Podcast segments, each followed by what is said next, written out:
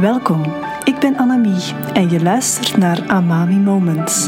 Een podcast over liefde vinden, duurzame relaties en het vrouwelijk ondernemerschap.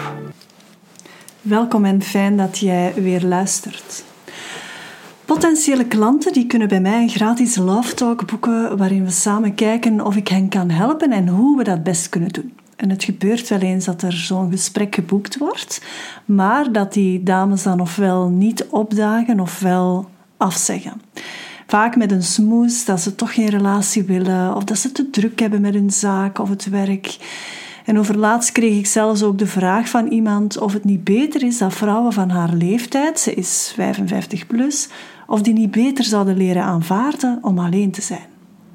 Ze heeft trouwens zelf ook heel veel vriendinnen die alleen zijn en ook wel gelukkig en geen issues hebben. Dus waarom dan een traject volgen om nieuwe liefde aan te trekken of een duurzame relatie op te bouwen?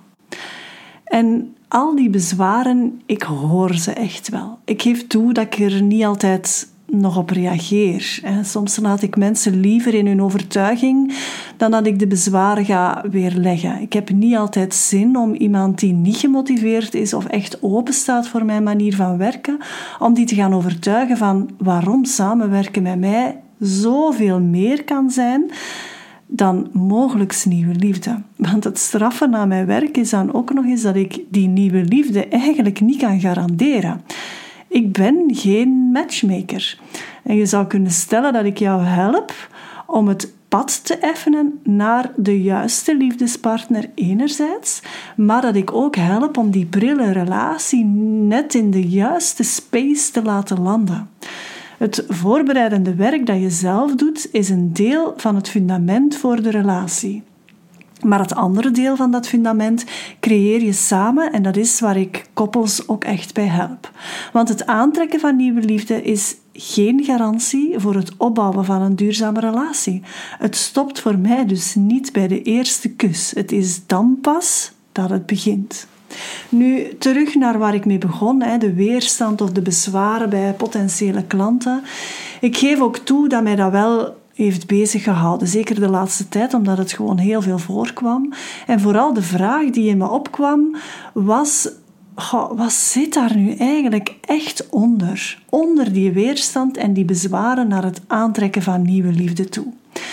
En waar ik dan op uitkwam, is dat het niet zozeer gaat over weerstand naar nieuwe liefde of liefde ervaren in een relatie, maar eerder net naar alles wat daarbij komt kijken. En wat ik hiermee wil zeggen is dat het volgens mij eerder gaat over datgene wat er net naar boven kan komen als je in een relatie bent. Want het is net in een relatie dat er delen van jezelf naar boven zullen komen die je als je alleen bent helemaal niet ervaart. En dat kan lastig zijn, dat kan een, een inspanning vragen. Je loopt dus eigenlijk niet weg van liefde, je loopt weg van jezelf. En het is vaak de angst om misschien weer met het gevoel van ha, dit lukt niet of dit werkt niet, om daarmee geconfronteerd te worden. En dat vrouwen daar ook gewoon geen zin meer in hebben om daarmee aan de slag te gaan. Dus ze gaan passen voor de liefde. Ze gaan, zoals die ene klant het zei, leren tevreden zijn en aanvaarden dat ze alleen gaan blijven. En weet je, het zijn net die vrouwen die alles op een rijtje hebben voor zichzelf, die het minste probleem hebben om in het alleen blijven te zijn. En ik ben de laatste om de ander te gaan weerhouden die keuze voor zichzelf te maken. Echt wel. Maar als mens zijn we nu eenmaal bekabeld om in relatie te gaan met anderen. En ja, dat kunnen vriendinnen zijn en vrienden of familie, noem maar op. Maar in liefdesrelaties ga je altijd een fundamenteler aspect van jezelf vervuld zien.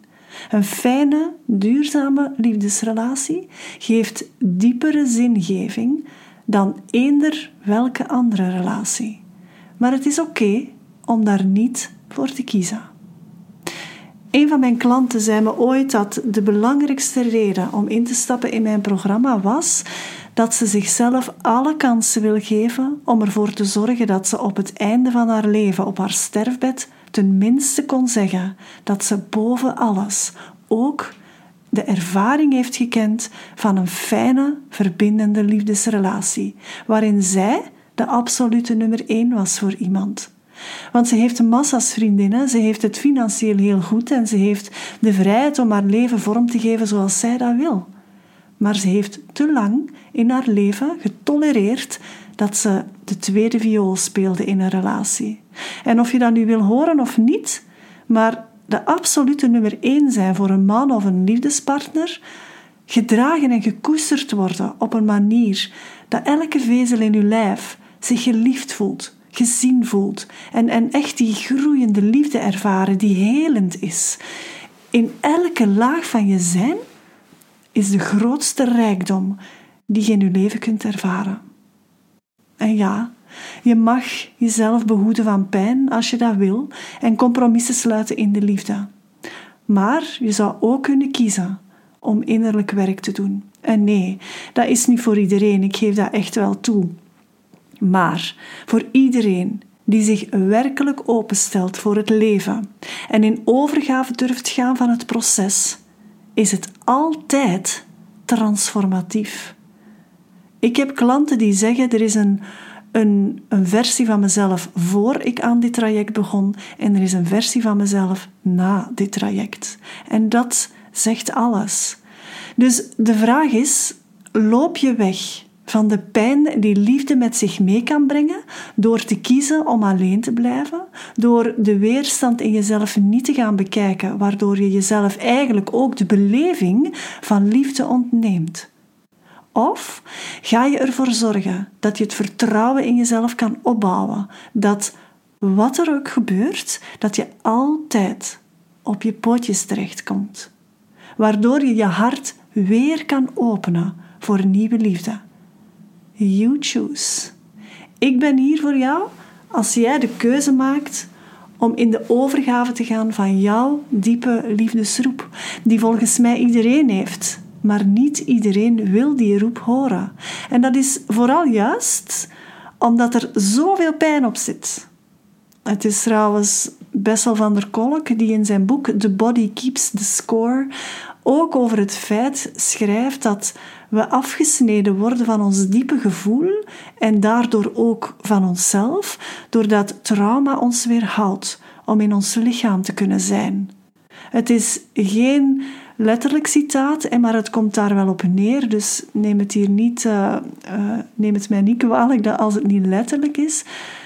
Maar voor mij is diep voelen de basis. Hoe zuiverder jij in contact staat met wie je bent onder die pijnlagen, hoe gemakkelijker je de juiste liefdespartner aantrekt en je natuurlijk vrouwelijke energie gaat bewegen en liefde gaat belichamen. En echt, het gaat over zoveel meer dan gelukkig zijn met jezelf.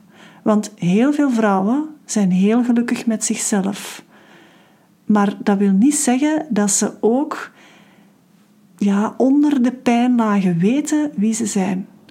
Maar ik zeg het nog eens: jij maakt die keuze. Heb je nu na het beluisteren van deze aflevering zoiets van: ga, ik wil hier toch wel mee aan de slag? Neem dan contact met me op en boek een Love Talk. Het is echt geheel vrijblijvend. We kijken samen of dit traject voor jou is. En je kan dat doen via de link bij deze podcast. Vond jij deze aflevering interessant en wil jij ook andere vrouwen op de hoogte brengen van mijn werk? Deel deze podcast dan in je netwerk en laat me zeker ook weten wat jij ervan meeneemt. En ik ontmoet jou graag in een volgende aflevering.